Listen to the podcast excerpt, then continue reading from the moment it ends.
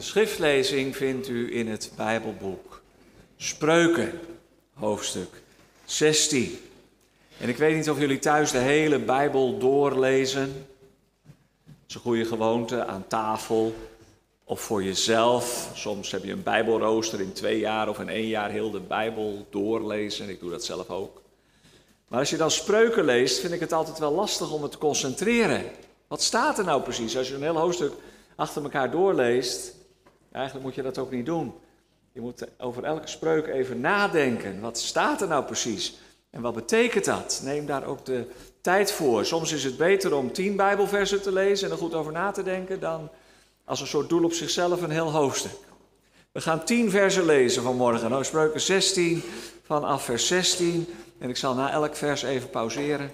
Kunt u erover nadenken. Spreuken 16 vanaf vers 16. Hoeveel beter is het verwerven van wijsheid dan bewerkt goud? En het verwerven van inzicht is verkieslijker dan zilver.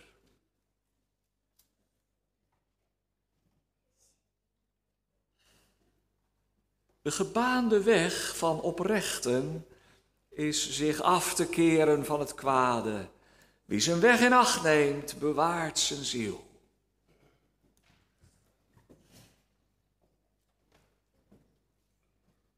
Trots komt voor de ondergang en hoogmoed komt voor de val.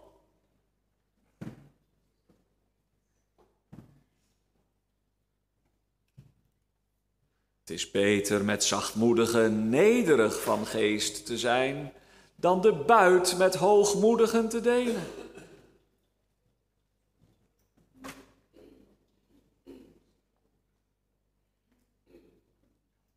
Wie verstandig omgaat met het woord, zal het goede vinden. En wie op de Heere vertrouwt, welzalig is hij.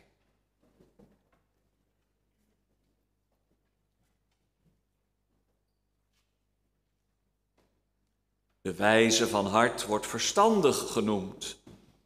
En zoetheid van lippen vermeerdert het inzicht.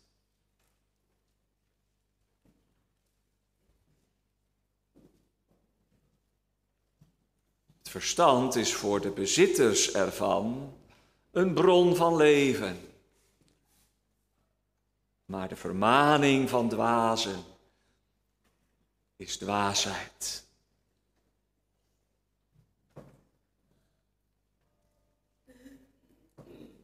Het hart van een wijze maakt zijn mond verstandig en zal op zijn lippen het inzicht vermeerderen.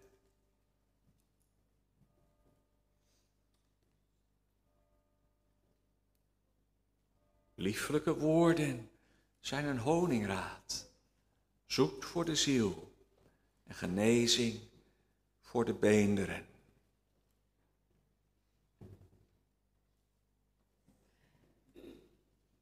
Er is soms een weg die iemand recht schijnt, maar het einde daarvan zijn wegen van de dood.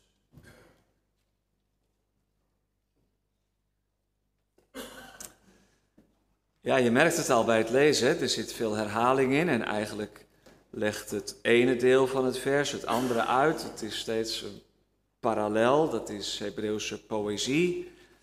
Ehm, twee keer hetzelfde zeggen met verschillende woorden. En er komen heel veel verschillende gedachten ook voorbij. Over verstandig zijn, over wijsheid, over de weg die je kiest. Het thema voor vanmorgen, vanuit deze spreuken, dat is iets, hoe zal ik dat zeggen? Iedereen haat het. En iedereen heeft het. En wat is dat? Dat staat in vers 18 van Spreuken 16. Trots komt voor de ondergang. En hoogheid van geest Zo staat het ook in de aantekening in de Statenvertaling. Of en hoogmoed komt voor de val. Dat is een spreuk, ook in het Nederlands, een bekende spreuk. Hoogmoed komt voor de val. Komt letterlijk uit de Bijbel. Geliefden in de Heere Jezus Christus. Hoogmoed komt voor de val. Iedereen haat het, tenminste bij een ander. Als iemand trots of arrogant of hoogmoedig overkomt, dat is niet prettig. En dan denk je, nou, daar wil ik niet bij horen. En iedereen heeft het. Nou ja, de een heeft er misschien meer van dan de ander. Ik denk altijd maar, een ander kan het misschien minder goed verbergen dan dat ik het kan verbergen. Iedereen heeft er last van. Is dat zo? Dat is eigenlijk genade van God, als je er ook last van hebt. En het als zonde ziet. En er tegen strijdt. Tegen gevoelens van superioriteit, hoogmoed, trots. En als je er tegen probeert te vechten, dan kom je er ook achter hoe lastig dat is. Toch?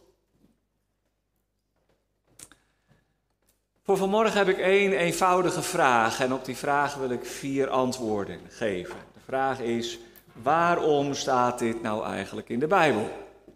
Hoogmoed komt voor de val. Een tekst zomaar midden uit de spreuken. Trots komt voor de ondergang.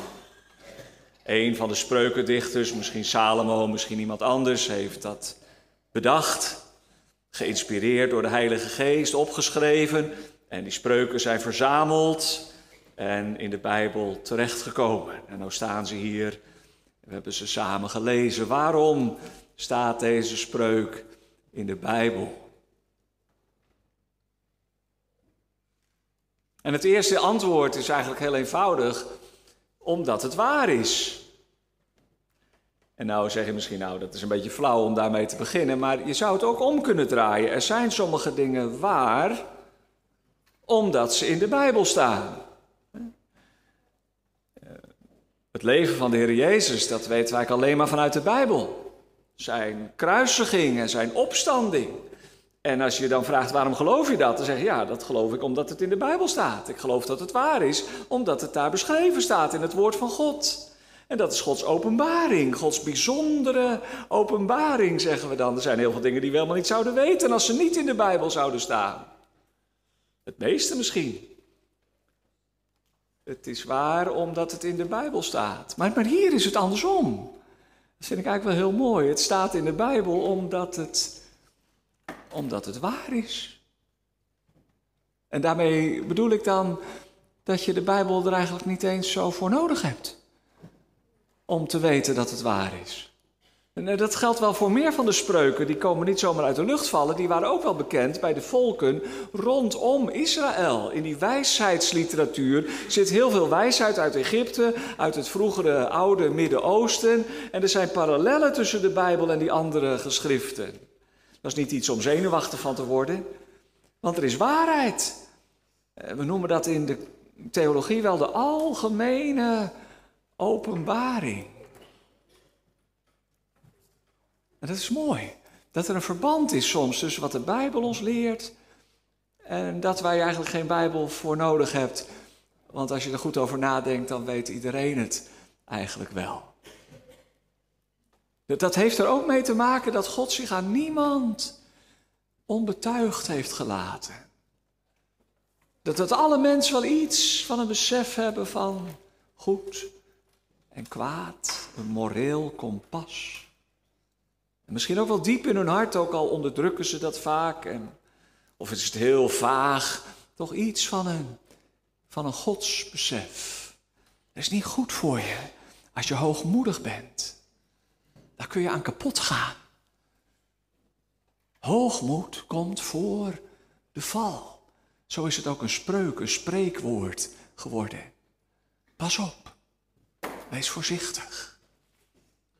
Het staat in de Bijbel, omdat het al waar was. En omdat iedereen die eerlijk is en erover nadenkt, kan weten dat het waar is. Wat is dat dan, die hoogmoed? Het is nog een beetje lastig om het te definiëren. Voor jullie jongens en meisjes, als je hoogmoedig bent, dan vind je jezelf beter of knapper, mooier of sterker dan een ander. De beste, de snelste, de sterkste. Misschien ben je dat ook wel in de klas, kun je heel hard rennen.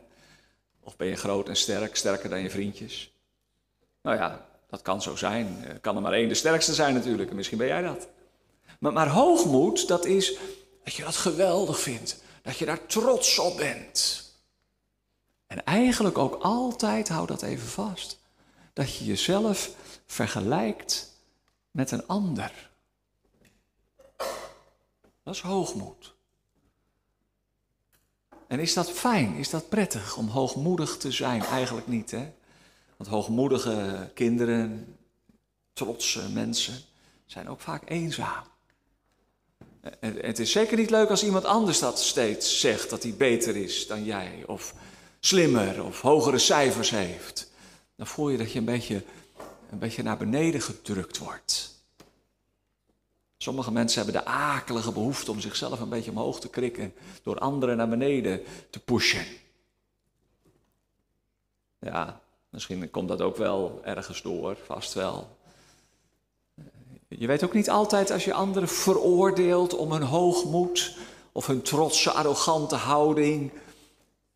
Je weet ook niet altijd wat erachter zit. In hun opvoeding of, of in een trauma wat ze meegemaakt hebben. Je zou haar zeggen, wees maar dankbaar dat jij die eh, behoefte niet zo hebt als die of die waar je aan denkt.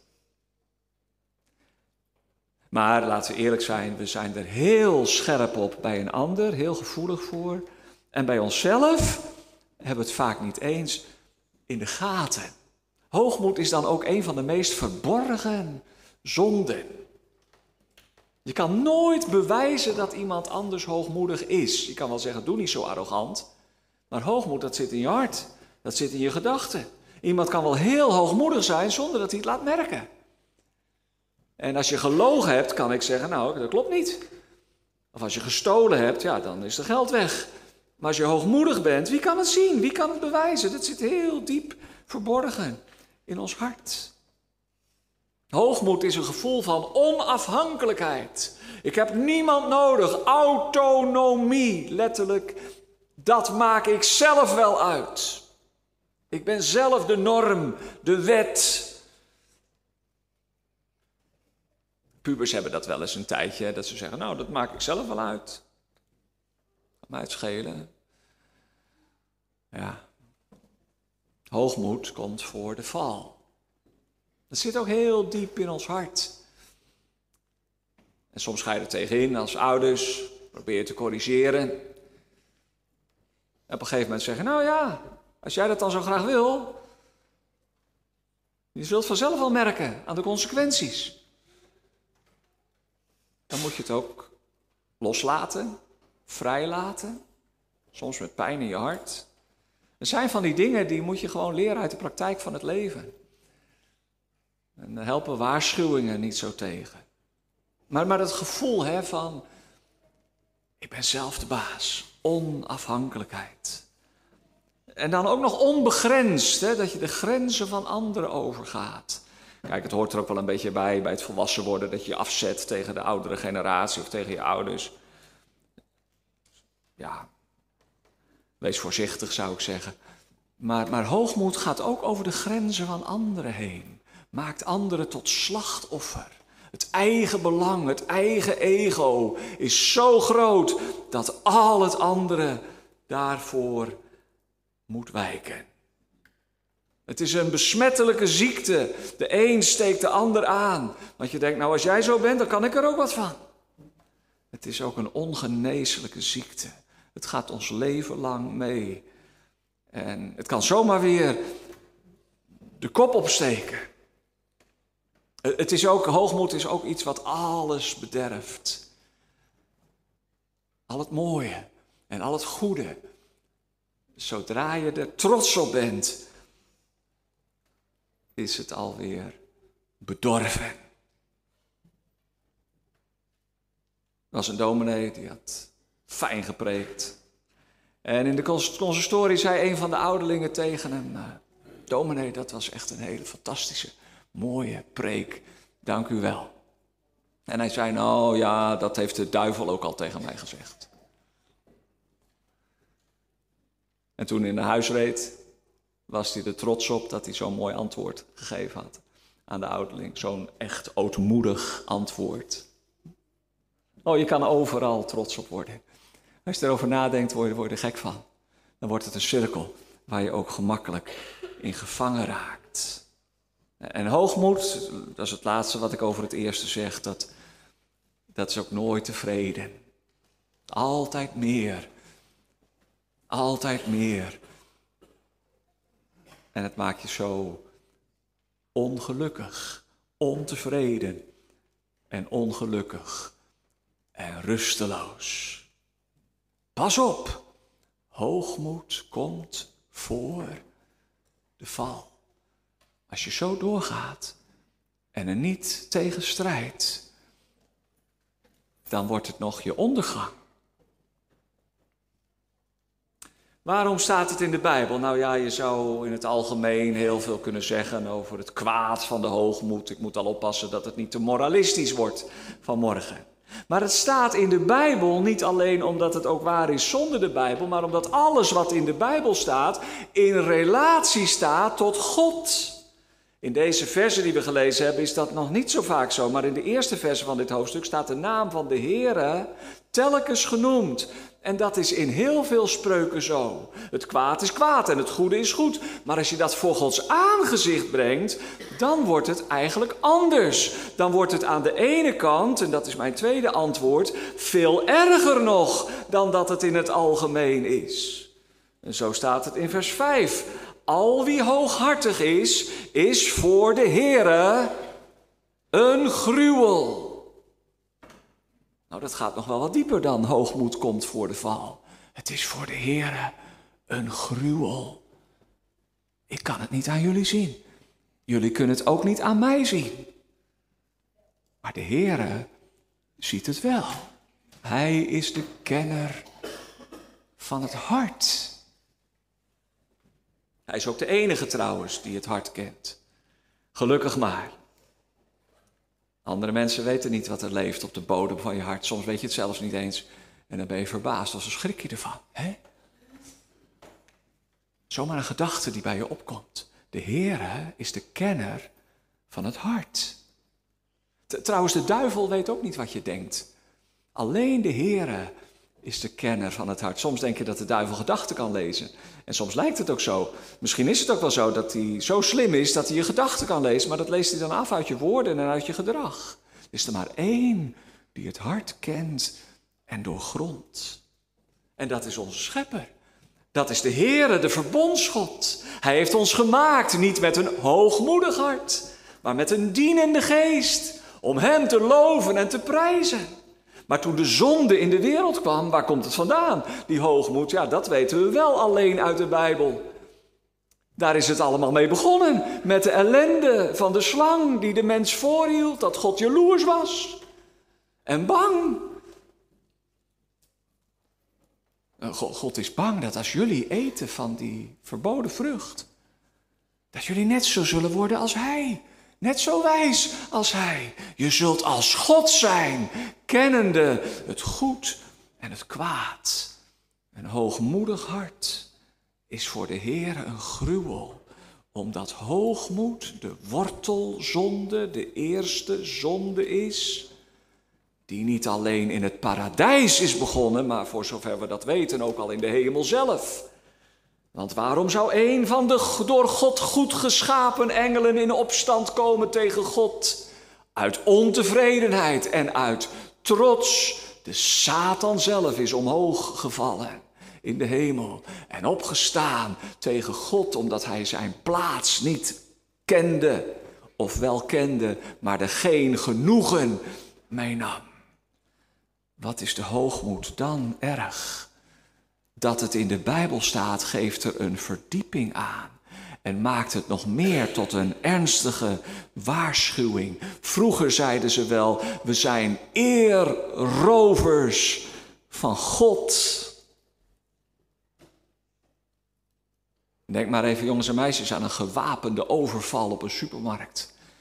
Je mag blij zijn als je dat niet meemaakt of in de supermarkt werkt en komt iemand met een wapen, een mes of een pistool binnen. Om de, om de kassa leeg te roven. Ja, dan moet je het maar meegeven. Dat geld je gaat je leven niet op spel zetten voor een, voor een paar duizend euro. Een gewapende overval.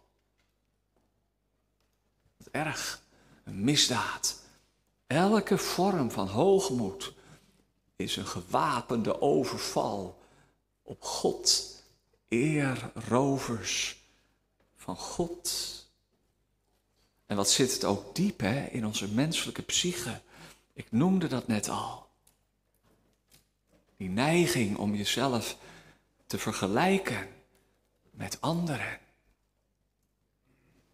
Dat, dat is trouwens, laat ik dat eerst maar even zeggen, ook wel het verschil tussen uh, hoogmoed en, en trots. Nou ja, hier staan ze naast elkaar. Het gaat ook een beetje om de definitie natuurlijk. Want je zou zeggen, mag je dan nooit eens gewoon lekker trots zijn op iets wat je gedaan hebt of gemaakt hebt? Is dat altijd verkeerd? Moet je altijd negatief zijn en altijd maar denken: het is niks en het wordt niks en ik kan niks en ik ben niks? Ja, daar zou je toch ook een beetje depressief van worden. Of als de kinderen nou thuiskomen met een mooie kleurplaat van de kleuterschool. Dan ben je toch trots als vader? Dan zeg je toch niet, nou dat is ook niks, je hebt helemaal buiten de lijntjes gekleurd. Ja, dat zou, dat zou afschuwelijk zijn. Sterker nog, sommige mensen gaan een leven lang gebukt onder psychische beschadiging, omdat ze niet geliefd waren en niet gewaardeerd werden. Als je iemand altijd naar beneden drukt, dan ga je aan kapot. Een schoonvader, godzalige man, hij is vorig jaar overleden, zei tegen mijn vrouw toen ze jong was: Je hoeft jezelf niet in de put te drukken, dat doen anderen wel voor je. Nou ja, dat is misschien ook een beetje negatief over die anderen natuurlijk. Maar, maar hij wilde daarmee maar zeggen, je hoeft jezelf niet, niet naar beneden te drukken. Je mag best wel, ja, maar mag dat dan? Staat toch in de Bijbel, trots komt voor de ondergang, hoogmoed komt voor de val. Hoe zit dat? Het, het, het, het lijkt niet helemaal te kloppen. Je mag toch best eens trots zijn. Op je kinderen, het werk dat je gedaan hebt, waar je, waar je van geniet. Hoe zit dat? Nou, het ligt misschien heel subtiel. Laat ik het zo zeggen. Goede trots, geoorloofde trots, gepaste trots zeggen we dan vaak. Dat is altijd doortrokken van. Nou, denk eens even mee. Van een gevoel van dankbaarheid tegenover God die je alles heeft gegeven. Dan gaat het er niet om van ik ben zo goed en ik ben zoveel beter dan een ander. Maar dan mag je met dankbaarheid genieten van Gods goede gaven. En het mooie zien in iemand die zich ontwikkelt in de sport. Of, of om een kleurplaat of om de prestaties van je kinderen. Niet trots zijn in de zin van, oh, zij hebben tenminste VWO en anderen hebben dat niet. Dat is natuurlijk niet koosje maar wel dankbaar met je VWO of VMBO-diploma en met de MBO-opleiding die je gaat doen. Want we hebben mensen nodig die hun handen uit de mouwen steken. En daarom moeten we ook niet praten over hoogopgeleide en laagopgeleide. Dat is natuurlijk onzinnig. Er zijn mensen die wat meer praktisch zijn en mensen die zijn wat meer intelligent. En vaak gaat het niet samen. Dan heb je twee linkerhanden, als je, al kun je nog zo goed leren. Ieder heeft zijn eigen gave van God. En daar mag je met dankbaarheid gepast, trots op zijn. En, en wat is nou het verschil? Dan kom ik nog even terug op dat, op dat vergelijken. Want dat zit ook heel diep in ons. Dan gaan we onszelf een beetje positioneren. En dan denk je, nou, ik ben niet zo goed of zo slim of zo snel als die of die. Nou ja, Als je dankbaar bent voor wie je bent, dan mag je die vergelijking van mij ook nog wel maken. Of, of met een gezin, hè, dat je zegt, nou ja, bij dat gezin loopt alles altijd op rolletjes. En zij, hè, zij heeft altijd alles in orde, het is altijd netjes, en, er zijn nooit problemen. Nou ja, bij ons, bij ons is het zo niet. Naar jezelf vergelijken. Maar, en dat is dan de trotse kant, zit ook altijd de andere kant aan. Ik ben niet zoals hij of zij, maar gelukkig ook niet zoals die of die. Die, die maakt er maar een potje van. Van zijn schoolwerk of zijn huiswerk of zijn dagelijks werk. Of dat gezin, nou, ik ben wel dankbaar dat het bij ons niet zo chaotisch is en toe gaat als daar. Zie je, dat is dat addertje onder het gras. Dat je jezelf toch beter vindt dan een ander. Dat je de behoefte hebt om jezelf te positioneren. Ik dank u. Ja, dat kan zelfs gecamoufleerd worden met dankbaarheid. Dat ik niet ben zoals de andere mensen. Dieven en moordenaars, of zoals die man daarachter in de tempel, die tollenaar. Dat heb ik niet van mezelf voor, heren. Dat heb ik aan u te danken, aan uw genade. Want anders was ik misschien wel net zo slecht als hij. Maar ik dank u dat ik niet ben zoals andere mensen. En, en juist in dat vergelijken, positioneren, gaat het vaak mis in ons trotse en hoogmoedige hart. Wees gewaarschuwd. Het staat in de Bijbel, omdat het nog veel erger is dan zoals jij het haat bij een ander. Omdat God het haat, omdat hij ons zo niet heeft gemaakt. Wel als dankbare mensen mogen we genieten van zijn goede gaven, maar we mogen niet trots of hoogmoedig zijn.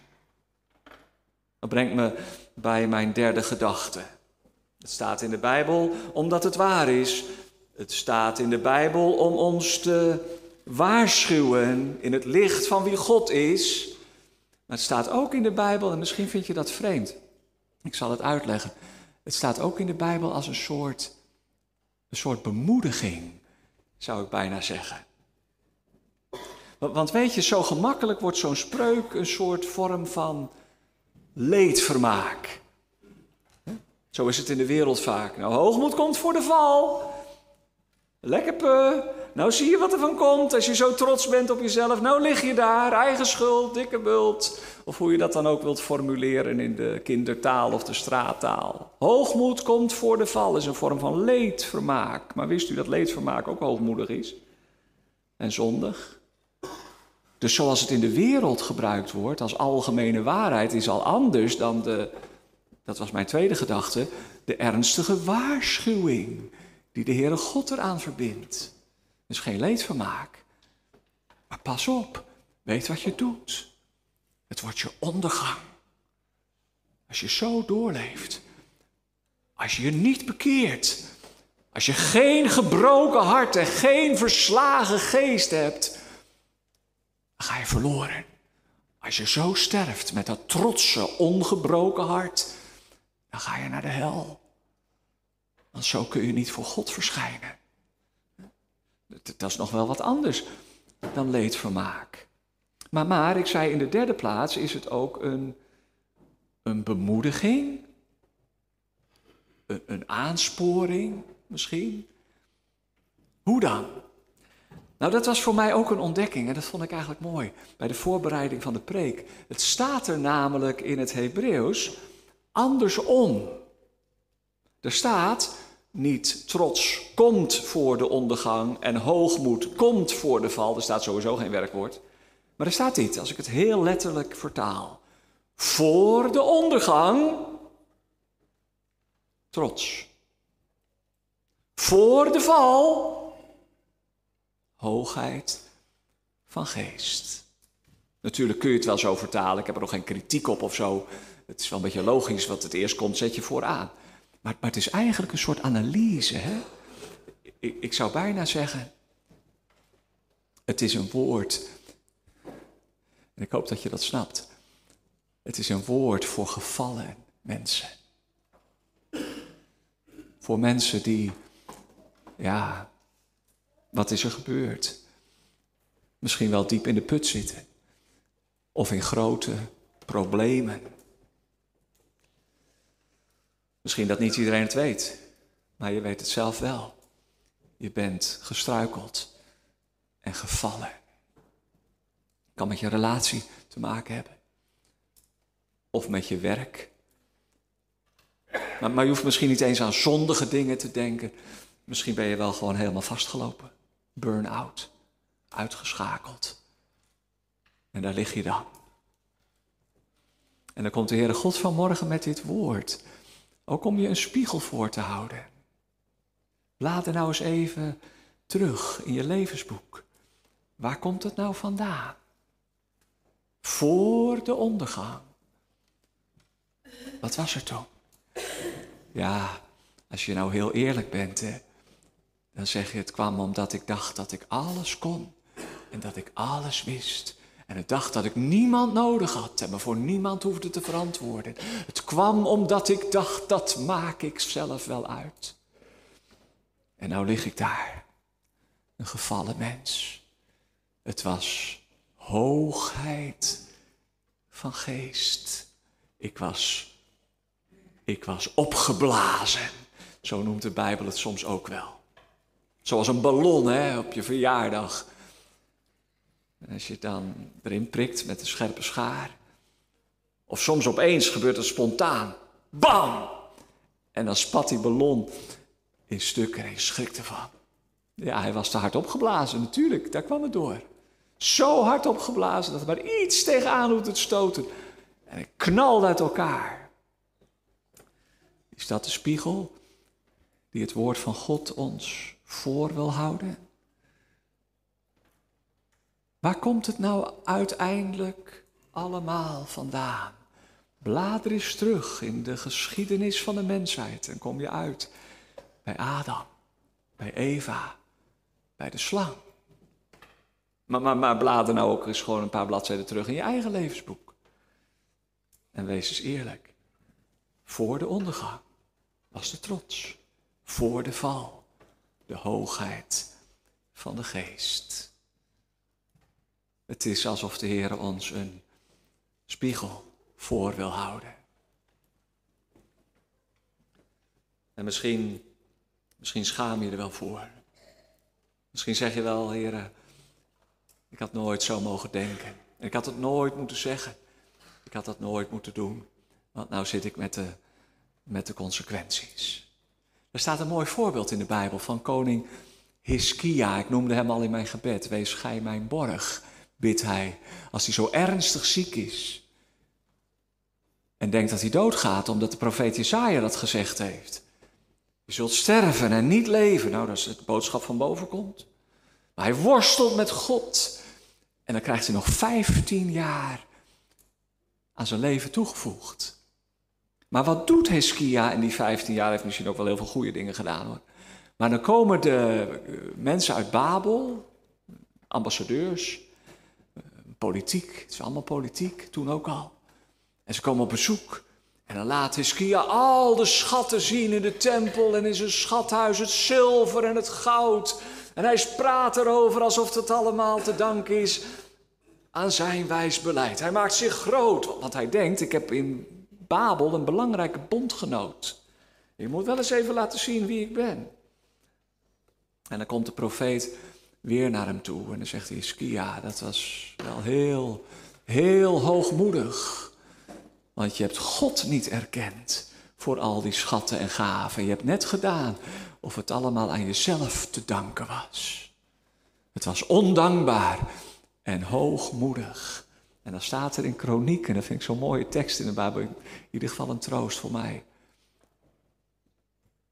En Hiskia verootmoedigde zich vanwege de hoogmoed van zijn hart. Je hebt natuurlijk hoogmoedige ootmoed, helaas. Die man die kreeg een medaille omdat hij zo ootmoedig en nederig was. En na een paar weken moest hij weer inleveren, omdat hij hem elke dag droeg. Nou ja, dat is maar een verhaal natuurlijk.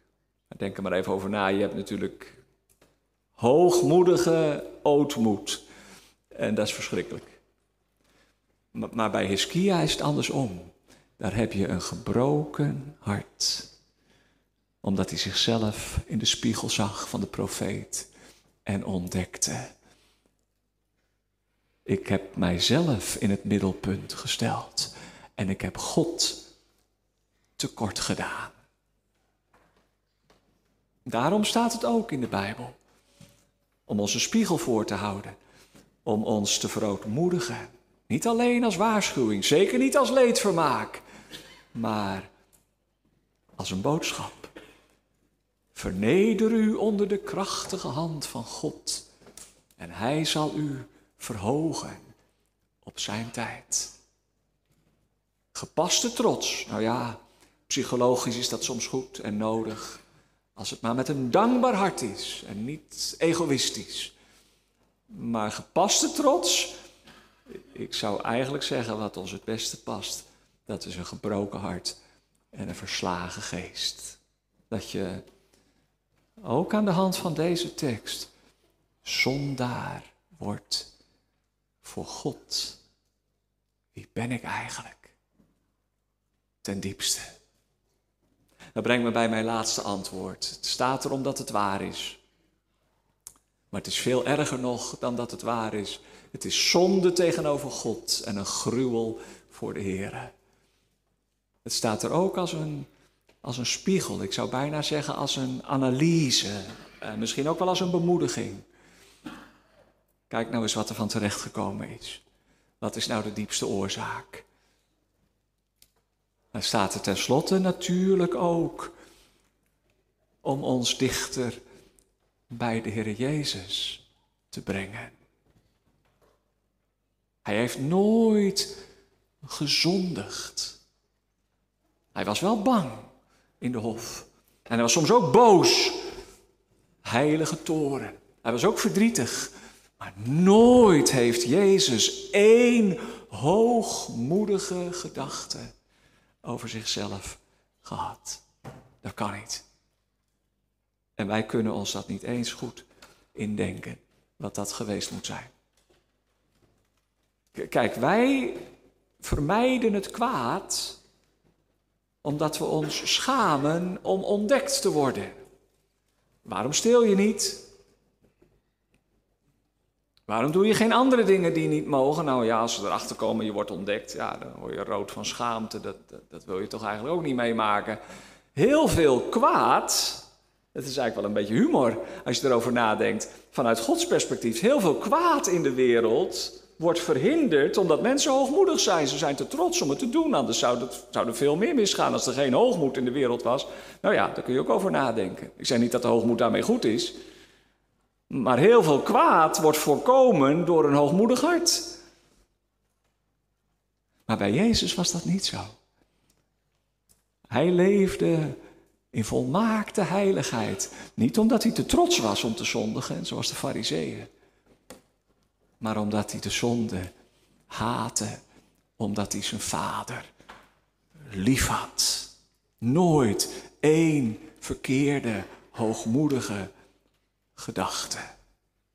En weet je wat me nou zo opviel bij de voorbereiding van deze preek? Dat de Heer Jezus zo weinig over de hoogmoed heeft gezegd.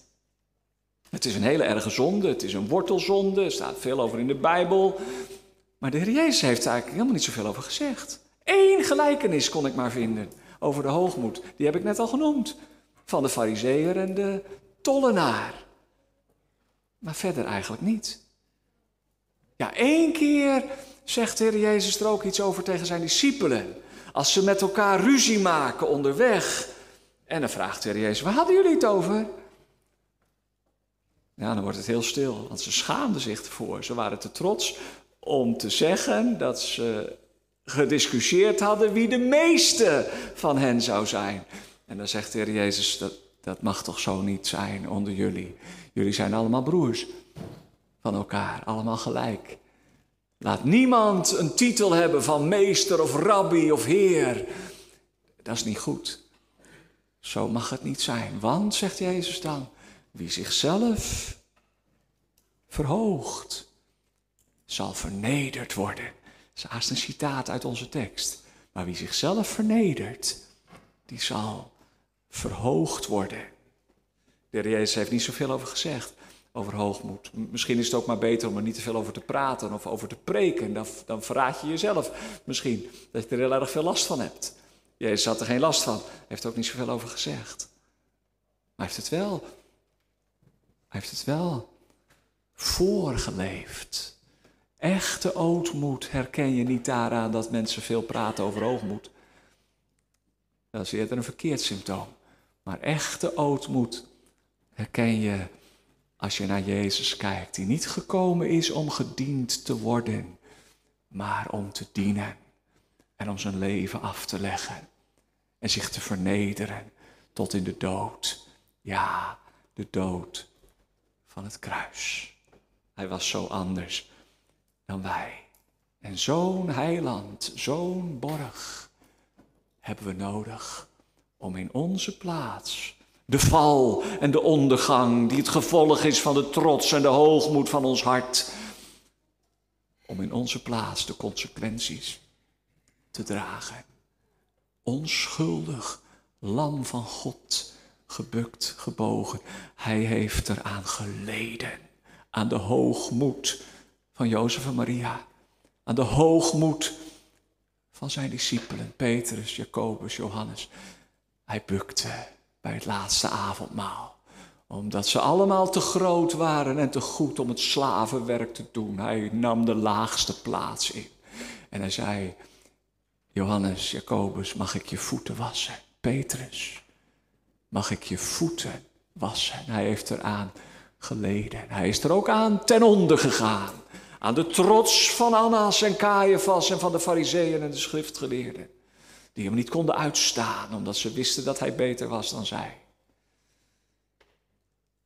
Hij is ten onder gegaan aan de trots van Pontius Pilatus, die niet af wilde gaan voor het volk en hem onschuldig heeft overgeleverd. Onze trots was de doodsteek voor onze heiland. En toch heeft hij het gewillig plaatsvervangend en verzoenend gedragen. Mijn trots voor zijn ondergang en zijn val, nedergedaald tot in de hel voor mijn hoogmoed. Als je dat beseft met een gebroken en verslagen hart, kun je toch nooit meer één hoogmoedige gedachte over jezelf koesteren. Laat het zo zijn. Amen.